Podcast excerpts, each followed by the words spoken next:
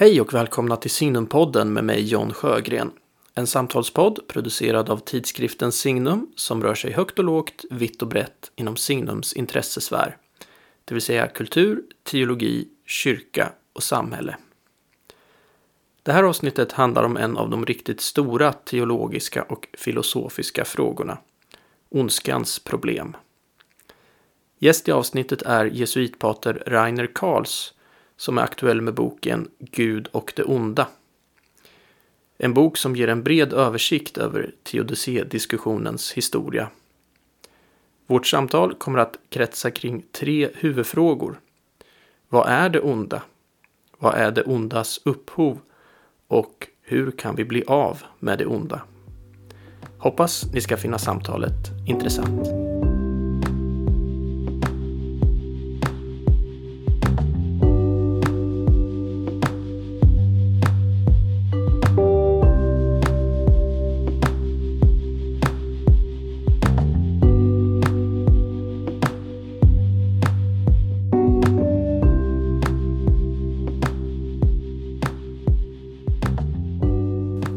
Säger jag välkommen till Signumpodden Rainer Karls.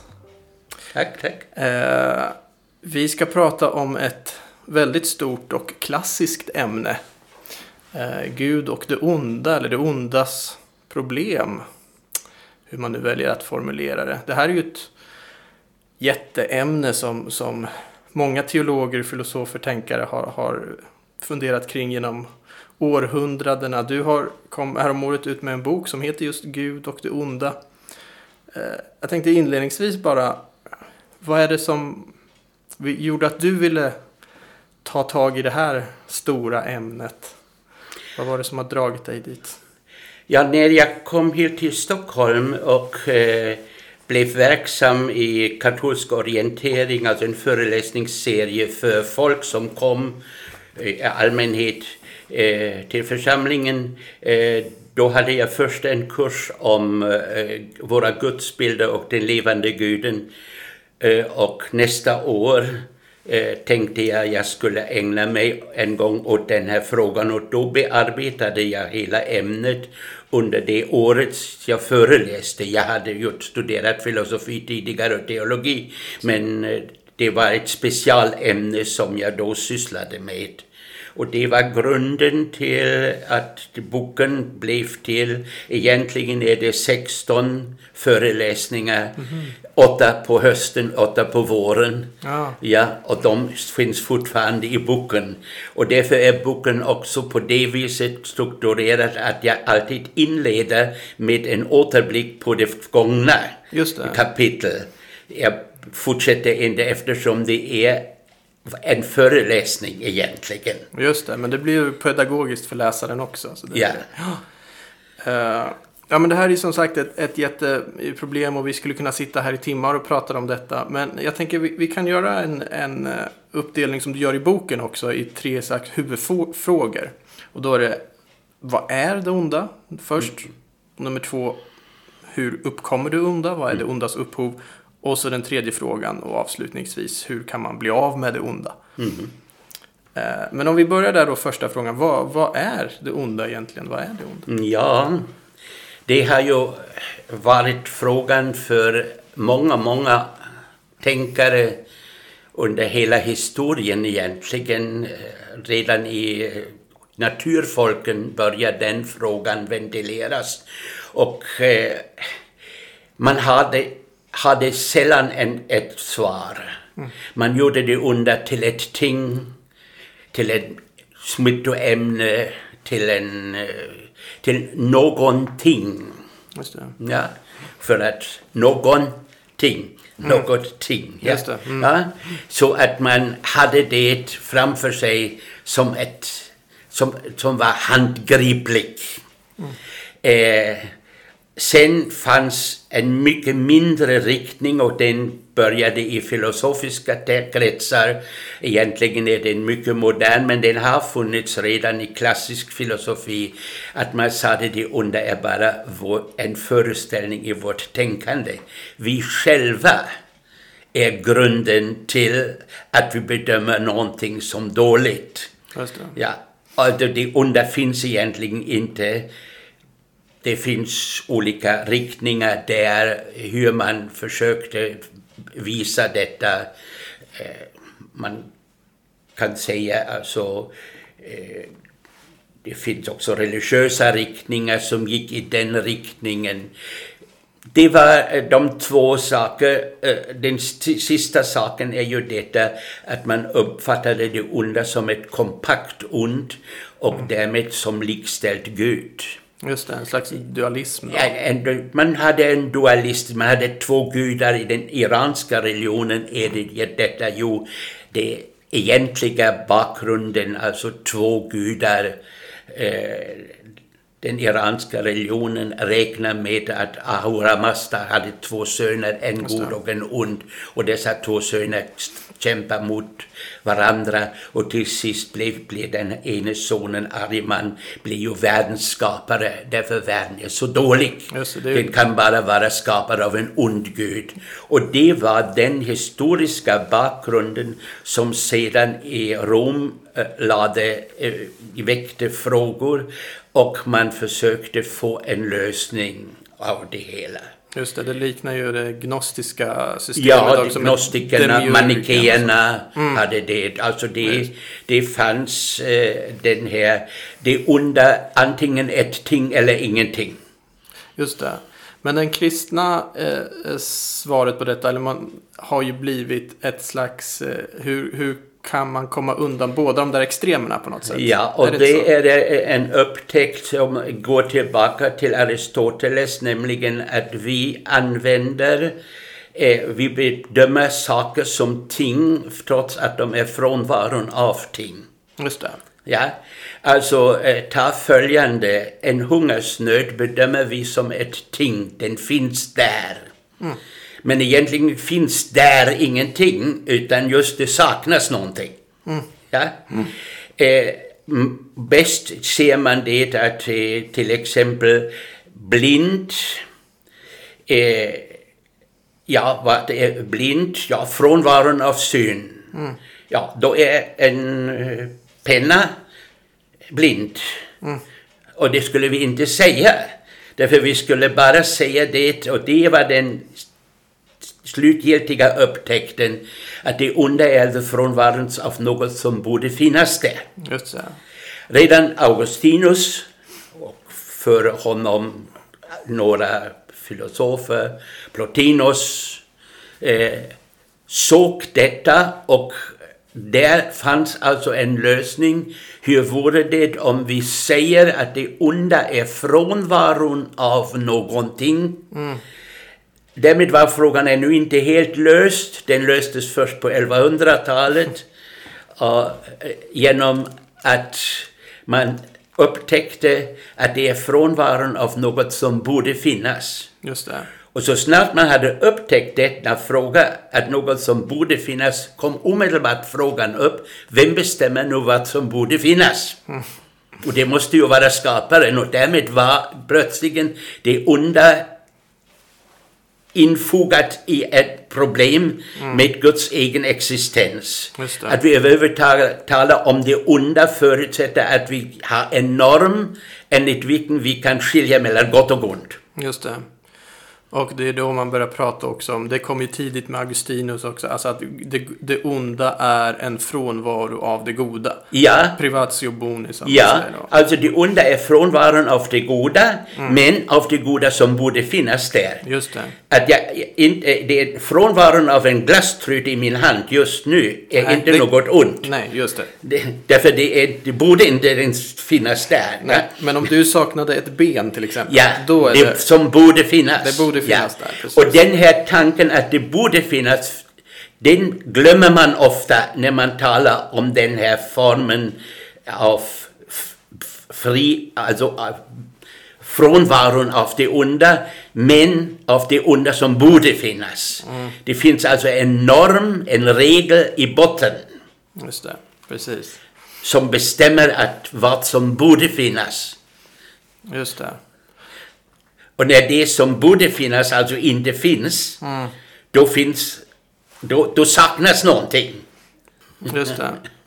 Ja, men det, det här är ju ett, eh, det är ett klassiskt eh, argument. Och, eh, men det som jag tänker att många kan reagera på här är ju då okej, det onda är bara en, en frånvaro utav någonting.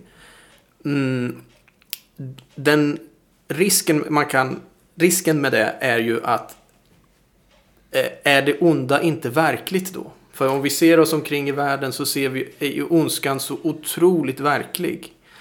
Eh, när jag har en stapel på 12 tallrikar framför mig, en är kantstödd. Det saknas alltså någonting som borde finnas. Vilken ser jag?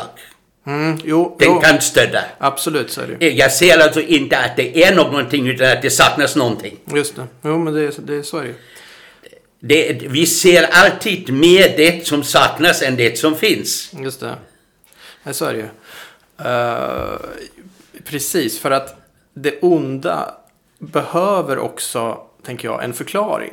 Det goda, vi, vi kan, en, om man bara tänker sig vad man kan föreställa sig, så är det ju möjligt för oss att tänka oss absolut godhet. Ja. Men, men det är nästan omöjligt att tänka sig ren absolut ondska. Alltså för att det onda finns bara mot någon slags bakgrund då utav det goda. Ja, Eh, det, det är just det. Man kan se det absolut onda är just rakt ingenting. nej, precis. Det, det, är ett, det är ett hål i, i eh, vägen så att säga.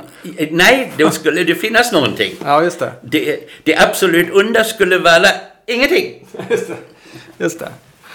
Ja, och det är ju en hoppfull tanke.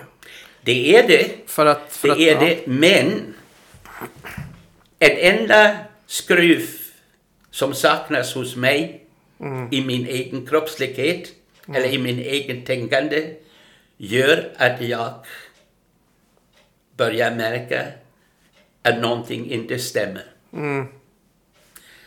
Just Det onda är oerhört påfallande trots att det inte är någonting.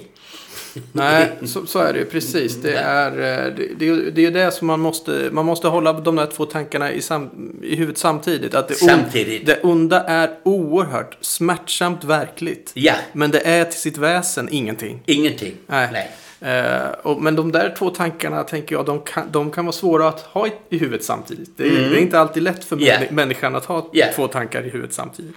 Dessvärre. Ja. Men jag tror ju att det där är sant. Alltså, att det, vi, vi måste samtidigt Vi- komma ihåg att det är verkligen någonting eh, eller det är verkligt i världen, men det är ingenting. Ja, ver- verkligt. eh, Då måste du fråga dig vad verkligt är. Det, vi säger att det onda kan verka. Ja, just det. Det är inte samma sak. Kan det verka? Eller verkar det just inte genom att frambringa någonting utan just Ja, att just det. leda till ytterligare konsekvenser. Mm, just det.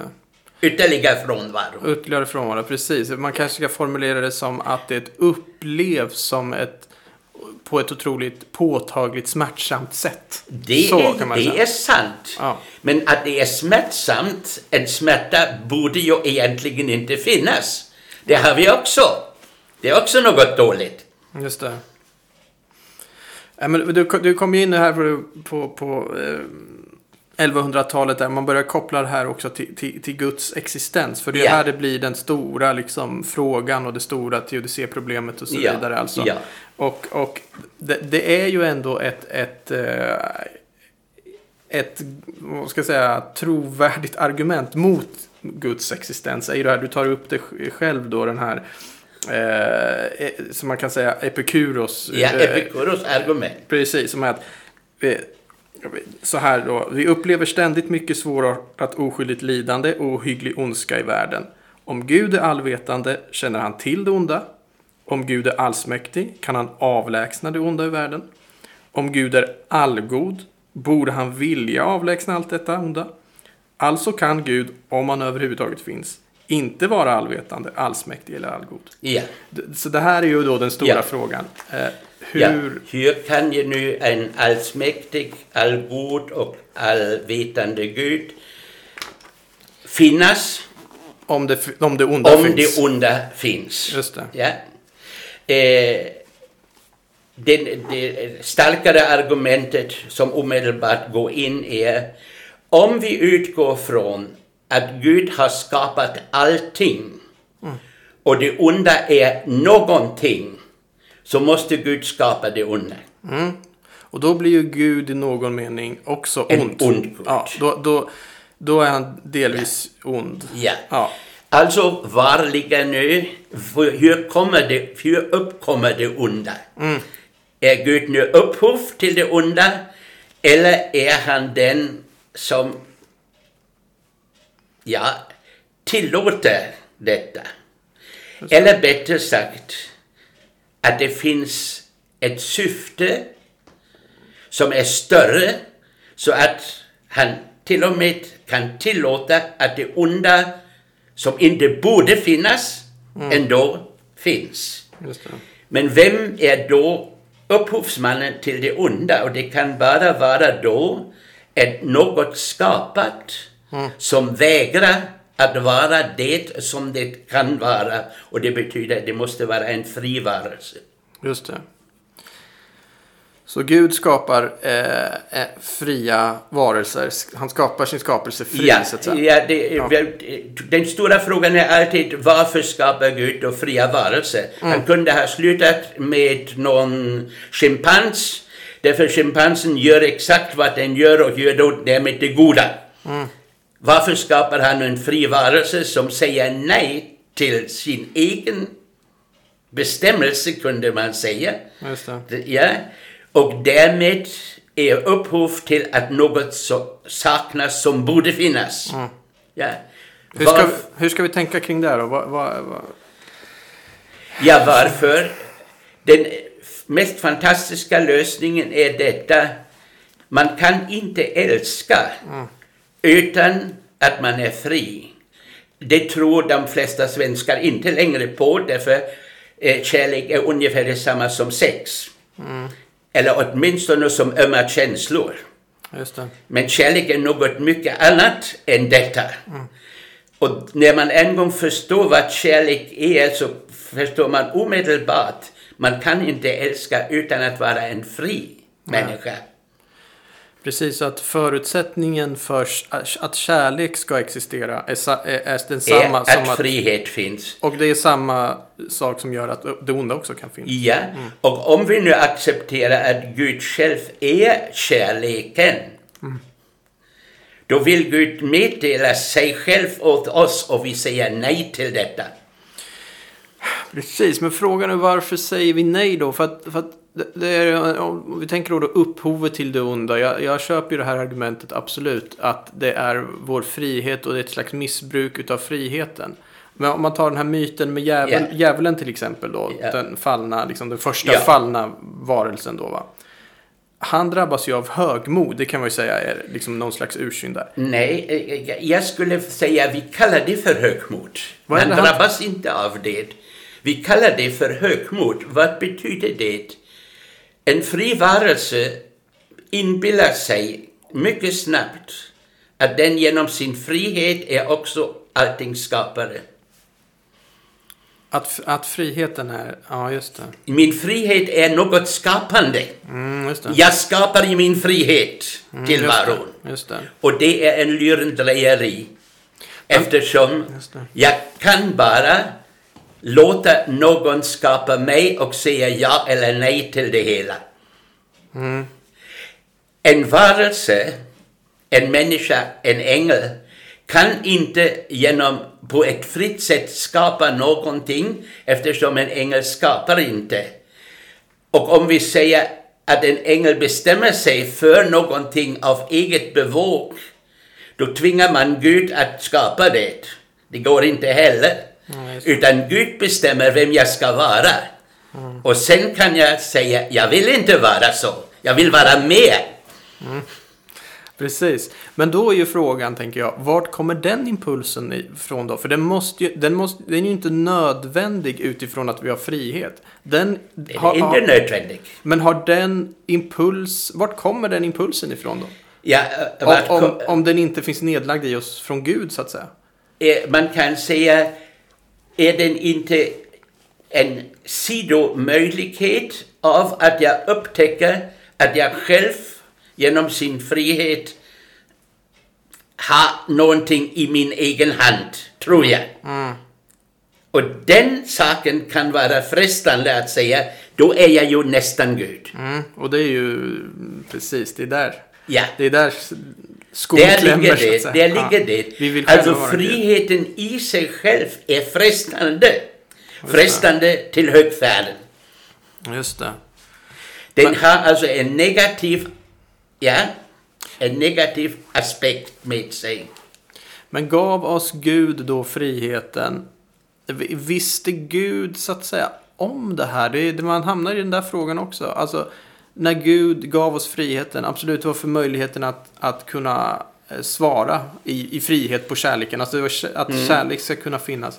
Men visste Gud att det här är priset för det? Eh, du säger visste och därmed använder du ett imperfekt. Ja, det är Och Tempels problem där. imperfekt betyder att han vid en tidpunkt visste någonting om framtiden som skulle komma. Mm. För Gud finns inte det förflutna och framtiden. Nej. Det är typiskt mänskligt. Precis. Alltså Gud vet allt. Mm. Men han vet det inte vid något tillfälle. Nej, nej, det är bra. Precis. Men det är så lätt, det, det är ju det här, det, Det- är ju för att de här, de här frågorna är så svåra att, att Ja. liksom eh, greppa för oss människor. Vi hamnar hela tiden i de här eh, liksom tidsliga kategorierna och de här, det, det, det, är, det är en svår, det är en svår nöt det här. Alltså. Ja, eh, det är inte bara svårt utan det är också, låt mig säga, frestande för oss. Mm. Därför, jag kan hela tiden ursäkta mig med alla möjliga argument. Mm, just det. Och eftersom jag själv märker att, det, att jag har sagt ett nej också till mig själv redan. Ja, så finns hos mig hela tiden en tendens att göra det onda till någonting som jag egentligen inte kunde göra annorlunda eller som jag inte visste om eller som... ja. Istället för att kunna erkänna för sig själv jag är den som inte ville vara med på, det, på alerten.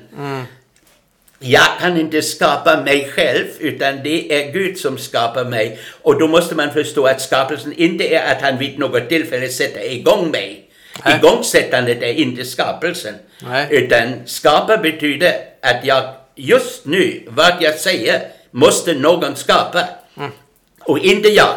Nej, precis. För, för annars hamnar man ju i, någon slags deistisk eh, Ja, gudsbild. men de flesta ja. människor tror ju egentligen att de själva skapar någonting av egen bevåg, egen kraft.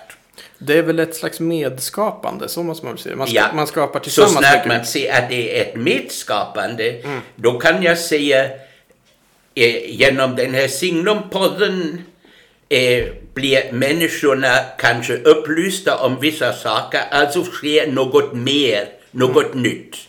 Alltså bidrar jag just nu att Gud genom mig skapar världen, men jag skapar den inte, utan Gud genom mig. Ja, visst. Du är ett redskap. Eller du är en slags Jag är redskap, ja. ja. ja. Men det finns ju också en, en, eh, en frestelse som man kan falla i också. Om man betraktar all världens ondska. Är ju att man helt enkelt säger så här. Det är meningslöst. Ja. Alltså att man säger det, det finns ingen mening här. Eh, men den, och, och man kan ju ta ett konkret exempel då. Det, man tar eh, förintelsen. Det är väldigt lätt att se på den. Eh, och säga, ja men det här är meningslöst. Men att säga total meningslöshet, det förutsätter ju att man har ett närmast gudslikt perspektiv. Ja. Som man inte riktigt har. Ja, men jag skulle här säga att menings, det är ju en meningslöshet. Eh, Är det meningslöst att, vi, att hela världen är skapad för att vi ska älska varandra? Ja, varför säger vi då nej till det hela? Och det uppstår inga förintelseläger om vi skulle älska. Ja, visst. Alltså, vad är det meningslösa då? Men om vi, vi kollar på sista frågan här då också. Hur kan man bli av med det onda då? Vad... Man, vem är då man? Precis, det, Ja. den stora frågan här är ju egentligen. Hur kan man bli av med det hela? Eh, Människorna försöker hela tiden att bli av med det onda. Eh, det är ungefär detsamma som man har ett stort hål i gatan och man vill nu täppa till så att gatan blir så att man kan åka bra på gatan. Vad må- måste man göra? Man måste hämta material från ett annat håll och gräva där ett nytt hål. Just det. Ja. Tyvärr är allt gata och då gräver vi ett hål på ett annat ställe där någonting börjar saknas. Det mänskliga försöket att reparera det hela är en omöjlighet. Människan kan inte på något sätt reparera det hela. Det finns nu två tankemöjligheter. Den ena tankemöjligheten är att Gud fyller hålet själv med en ny skapelse. Det ligger något riktigt i det, men det skulle nog vara lite grann, ja, ja, vi har ju det onda, men Gud kan fylla allt ut igen. Det finns också en annan tankemöjlighet och den är nog den som jag själv gillar mer. Den tankemöjligheten är att Gud kan av resterna av denna värld som vi människor har förstört ändå göra någonting fantastiskt. Det finaste exemplet har jag i en liknelse som någon berättade mig och det är en man som anonym alkoholist som berättade för mig som var för honom det förändrande exemplet. Han hade hört följande berättelse om den lilla Lisa som var fem år som hade lekte med bollen och i huset fanns en stor kinesisk porslinvas med flera flera tiotusen kronors värde och bollen kommer på vasen, vasen faller, det är skärvor på golvet överallt och mamma Ja, hon var jag bara fem år och jag men lite, lite arg också. Mamma sopar ihop det in i hinken. Sen går hon måste köpa någonting och när hon kommer har lilla Lisa plockat ut alla skärvor i hinken och satt ihop dem till ett fantastiskt mosaik. Mm, just det. Det är en underbar berättelse. Det förstörda kan inte repareras bara genom att återställa det. Det förstörda är förstört. Just det. Faktum är faktum. Men Gud är så pass stor att han kan också av en förstörelse göra någonting under en förutsättning att människan vill samarbeta med honom. Just det. Men är inte det här just, jag vet en fin berättelse, jag tycker det där fångar väldigt bra vad som är också skönheten i livet på något Ja, sätt. visst. Att, att, det, att vi är ju alla syndare. Och Vi, vi Naturligtvis. är ju alla brustna i mer eller mindre ja, grad. Ja, Men det, av det här brustna kan det bli något vackert. fantastiskt. Ja. Ja. Och där kommer nu plötsligt Guds nåd in. Ja. Mm. Allt beror på nåden.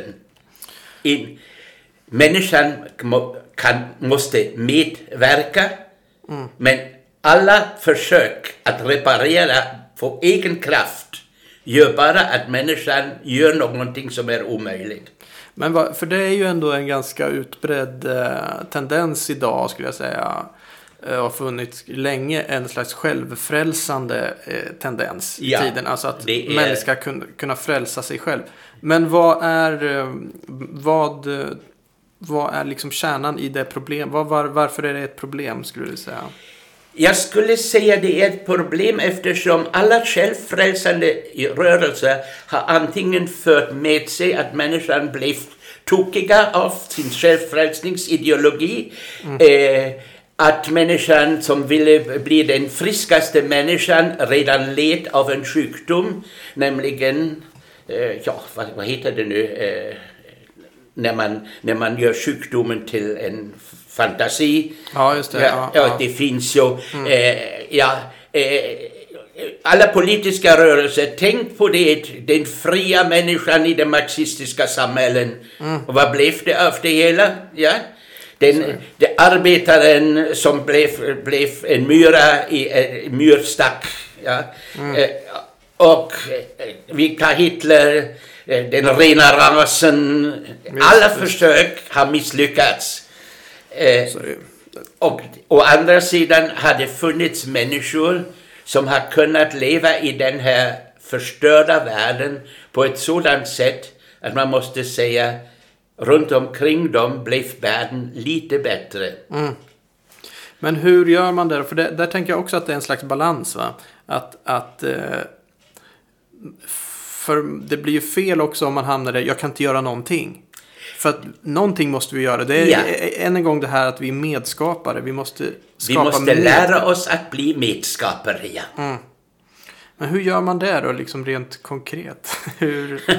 ja, du frågar hela tiden man. Ja. Det, har ju, det har ju med den mänskliga individen att göra. Nej. En man är inte nå någonting. Nej. Man är man. Ja? Ja. Det är en generell regel. Jag skulle säga, blir äntligen den Gud har tänkt sig du skulle kunna vara. Precis. Det är en slags över... Det handlar om att eh, överlåta sig. Ja, eller låta Gud äntligen bli skapare av mig. Just det. Och inte att jag själv är härskare.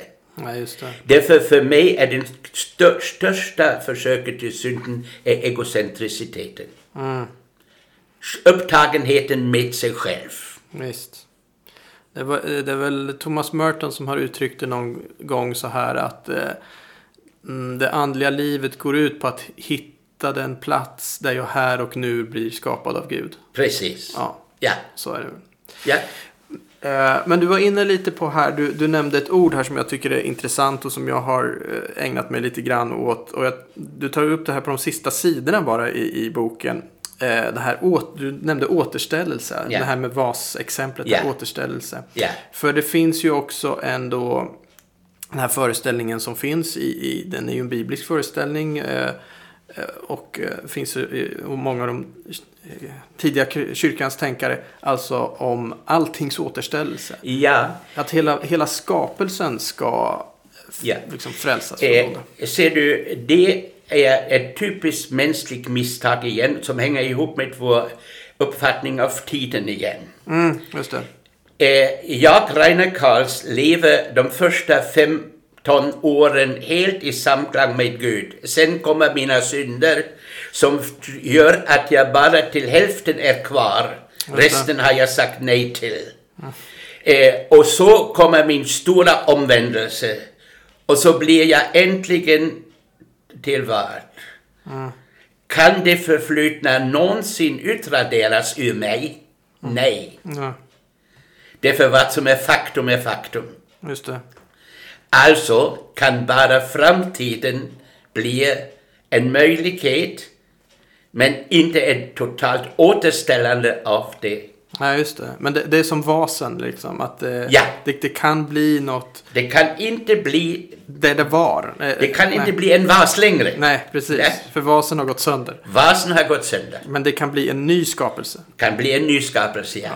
Nej, men för, för må, eh, det har ju funnits en föreställning i, i den kristna världen att, att det onda, att, att, liksom, det som ska komma och så vidare. Nu kommer du ju in i de här tidsliga aspekterna hela tiden när man pratar. Men är ett himmelrike som är liksom bortom den här världen. Precis. Men, men, men Uppenbarelseboken till exempel pratar ju om det nya Jerusalem som ska komma, komma ner till, till, jord. till jorden. Och vi ber ju komma ditt rike och inte låt mig komma till ditt Nej, rike. exakt, så det, är det, här, det, är ju, det, är Det är ju, ju- det är ju ändå den här världen som ska... Och dessutom ber vi, komma ditt rike, ske din vilja. Just det. Så som Och då blir din namn också helgat. Just det. Där har vi ju hela... Aha. Där, har vi allt. Det har vi svaret. Vi ber det, men vi tänker inte så. Därför vi människor är helt enkelt förblindade av vårt eget, Mm. av vår egocentricitet. Visst. Och eh, det finns ju där då, men jag tycker det är intressant ändå att det handlar om att det ska, den här världen ska återställas. Alltså det, det är ju inte en flykt från den här världen, utan, utan det onda ska, Ja, ja. ja, den här världen som ska Den, återställas. Ja. den här världen ska bli... Och här finns alltså det här, man kan säga, möjligheten att människan inte längre är bara intresserad att jag kommer till himlen, utan hur kan denna värld bli en bättre värld? Just det. Ja, genom mig. just det. Genom, inte genom att jag själv skapar det, utan genom att jag genom mitt Guds, eller så- mitt verkande med Gud gör att denna värld blir en bättre värld. Just det. Eh, som för mig en eh, judisk lärd, Shalom Ben Chorim, man frågade honom, hur kan du som jude, son till en rabbin, hur kan du ha uppfattning att det inte finns ett liv efter detta? För judarna behöver ju inte tro det. Då sade han, om mitt liv här i världen har blivit så att denna värld har blivit en bättre värld, det räcker för mig. Det har gjort stort intryck på mig. Ja, och det är ju... Det är, det är fint. Det är nog sant alltså. Och jag tror ett misstag man kanske ofta gör när man, eh, nu säger jag man igen, Ja, eh, är att man tänker sig att jag måste lösa alltihop. Ja, Alltså, att, ja. att, att dra, för det är så oerhört lätt att Ja. eh, förtvivla inför den naturligtvis. enorma ondska som finns. Va? Naturligtvis. Naturligtvis. Det är det, det är det. Ö, Och det- då- man förtvivlar därför man har först försökt av egen kraft göra någonting. Vanligtvis. Just. Mm. Man förtvivlar inte eh, helt, helt enkelt bara därför att det onda finns. Nej. Utan därför att man har försökt att göra någonting av egen kraft. Ja? Och gjort just fel. Därför det var inte Guds tanke att göra det så, utan helt annorlunda. Men det lyssnade man inte på. Ja, Och det. därför blev ingen förbättring. Precis, förtvivlan. Det där är intressant. Ja. Precis, förtvivlan uppstår när man försöker lösa det med egen kraft. Precis. Mm. Men hur då, den här sam, nu har vi kommit in på det flera gånger här, att det handlar om att samverka. Ja. Eh, det är ju ändå någonting aktivt man måste göra då, den här samverkan. Hur, Nej. hur, hur, men om man uttrycker sig här då, hur, hur eh, låter du- man sig bli ett verktyg? Eh, Ser du, vi, vi antar följande. Du skapas, du kan inte uttala ett ord utan att Gud skapar det. Hur samverkar du då? Att du inte vägrar att uttala ordet. Just det. Just det. Sluta streta emot. Är Ja. Ja. Och sluta att streta emot eftersom man vill själv göra sig självständig från Gud. Alltså själv till Gud. Just det. Mm, det är grundproblemet. Det är grundproblemet. Jag, jag tänker ofta kring den här, när jag kommer in på den här frågan, att eh, det finns en skillnad ändå mellan, låt säga, det, att närma sig frågan intellektuellt, filosofiskt, teologiskt och emotionellt. För jag kan tycka det vi har pratat om här nu är liksom mer på en filosofisk nivå. Filosofisk nivå, ja. Och, och där tycker jag, eh, allt det du säger köper jag. alltså jag jag tycker att det, det, det, det finns bra filosofiska, teologiska förklaringar på det ondas problem. Eh, men det är ju i det emotionella mötet med det onda som, som man kan känna att hjälper det mig verkligen? Att, att, jag vet att det är så här när man drabbas av någonting verkligt ont eller liksom så. Eh, jag skulle säga det hjälper oss först när vi i våra egna ambitioner har kraschlandat. Mm, just det. När vi har märkt att vi med våra egna försök att lösa detta problem har verkligen misslyckats. Jag utgår här, jag har mycket ofta samarbetat med anonyma alkoholister. Och de är mycket starkt intresserade också i den här, vad jag skrev om det hela. Det är, ja. Eh, eh, vad är det som finns hos dem? De utgår från de, tre grund, de första tre grundsatser som jag inte nu upprepar ordagrant men ungefär. Vi insåg att vi av egen kraft inte kan göra någonting mot vårt drickande. Men vi kom till övertygelse att en kraft större än vår egen kan ge oss vårt förnuft tillbaka. Och vi var beredda att överlämna oss åt denna kraft helt och hållet. Det. Det är lösningen. Det är lösningen. Att, just det. Att, men det kan vara svårt nog. det tar ett... Det tar, det, är, det är ytterst svårt eftersom vi alla vill ändå vara som gudar. Mm. Men är det inte det som är högmodet då? Det är Det högmodet. är ja. högmodet. Mm. Men det, högmodet är inte att högmodet påverkar mig utan det är detta uttrycker, detta sker. Just det. Och då kallar vi det för högmod. kallar, men det är inte en egen eh, Det är sak. inte en återigen ett ting. Nej, det är inte ett ting utan det är ett, precis det är något som uppstår. Eh, jag tänker avslutningsvis här. Uh, ställer jag dig lite mot väggen här. Men kan, vi hade de här tre frågorna. Vad är det onda? Vad är dess upphov? Hur kan vi bli av med det? Kan vi sammanfatta bara det så här? Säga någon kort mening om varje. Om vi börjar med vad är det onda? Vad skulle ditt korta svar på det vara? Det onda är inte ett ting och inte är ingenting utan är frånvaron av det som borde finnas. I detta att det är frånvaron av någonting som borde finnas ligger en positiv och en negativ bestämmelse samtidigt. Det finns inte, men det fanns en tanke att det, eller vilja att det borde finnas. Mm, det. Och det är då till sist Guds vilja. Just det. Och två då, vad är, vad är det ondas upphov? Vad skulle du svara Det på det onda kort? har sitt upphov i att det finns varelser som skulle är skapade till att älska varandra, sig själva, Gud, skaparen och som vägrar att älska eftersom de vill själva framträda som egen rättfärdiga gudar. Det.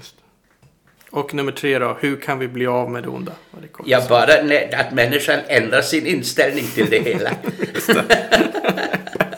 Lätt, lättare sagt än gjort, men ändå hoppfullt på något sätt. Ja. Ja, vi, vi, vi avslutar där. Eh, tack Rainer Karls för att du Tack. gästade Signumpodden. Ja. Och eh, tack alla ni som har lyssnat och lyssna gärna på oss igen i nästa avsnitt. Hej så länge.